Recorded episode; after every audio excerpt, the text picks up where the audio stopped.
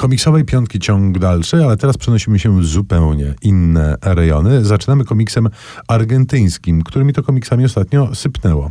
Sypnęło za sprawą wydawnictwa Mandioka, które przybliża nam komiksy z Argentyny i z Brazylii yy, i właśnie dostajemy do ręki kolejny masywny tom, który zawiera w sobie całość yy, opowieści pod tytułem Żywa Stal.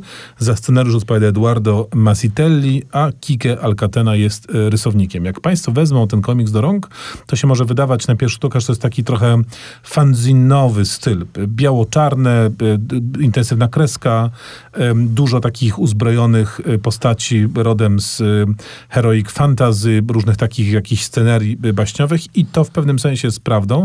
Natomiast warto się nad tym zatrzymać, bo po pierwsze sama historia jest zupełnie niesamowita.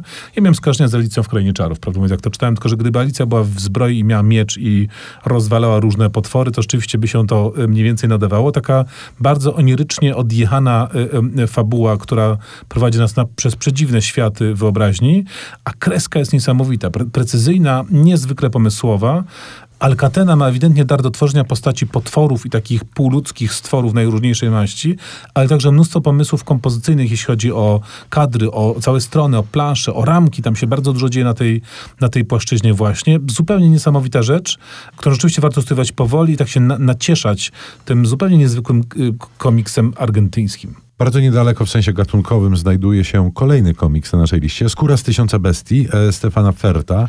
E, przepiękna e, rzecz, inspirowana mm, no nie tyle Alicją, co baśniami braci Grimm, a konkretnie wieloskórką, do czego sam autor się e, przyznaje. Fantastycznie narysowana, naprawdę fantastycznie. Takie I to jest maźnięcia pędzlowe, prawda? Ale bardzo precyzyjne. Ma, tak, bardzo precyzyjne maźnięcia pędzlowe, które czasami są odrealnione, czasami wręcz sprawiają wrażenie ultrarealistycznych plakatów filmowych z lat 50., więc wizualnie jest to uczta. To jest wszystko utrzymane w takich chłodnawych, fioleto, e, różach, czerniach i tak dalej i opowiada rzeczywiście historię rodem z braci Grimm, szaleńczą zupełnie, bo tu się dzieją przedziwne e, rzeczy. Natomiast bardzo śmieszny jest zabieg literacki, bo to jest wszystko świeże.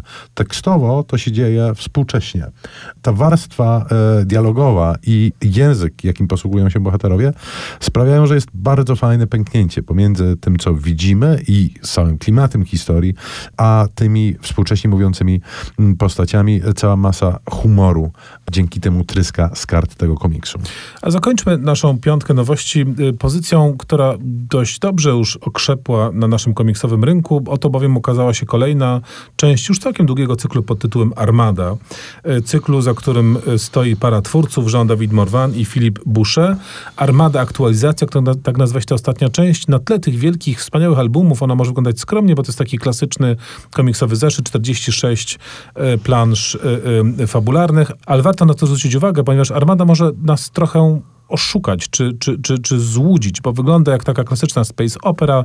Mamy lekko się ubierającą główną bohaterkę, atrakcyjną i wysportowaną bojowniczkę, mamy dużo różnych potworów i pełno kosmicznego sprzętu, czyli wydawałoby się sztampa, ale tak naprawdę w tę historię wpisane jest bardzo dużo bardzo ciekawych tematów.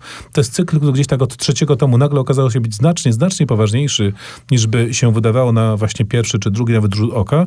I tu mamy pewną refleksję, pewien powrót do początków końca i początku początku nowej ludzkości, do, do pewnej refleksji nad człowiekiem i nad tym, co go w przyszłości czeka. Świetne, klasyczne science fiction, które pokazuje, że ten gatunek w komiksie z całą pewnością ma się znakomicie jeszcze niejedno może nam zaoferować. W drugiej połowie naszej komiksowej piątki przenieśliśmy się w światy fantastyczne. Niech więc towarzyszy nam fantastyczna muzyka z ekranizacji niekończącej się opowieści, muzyka Klausa Doldingera.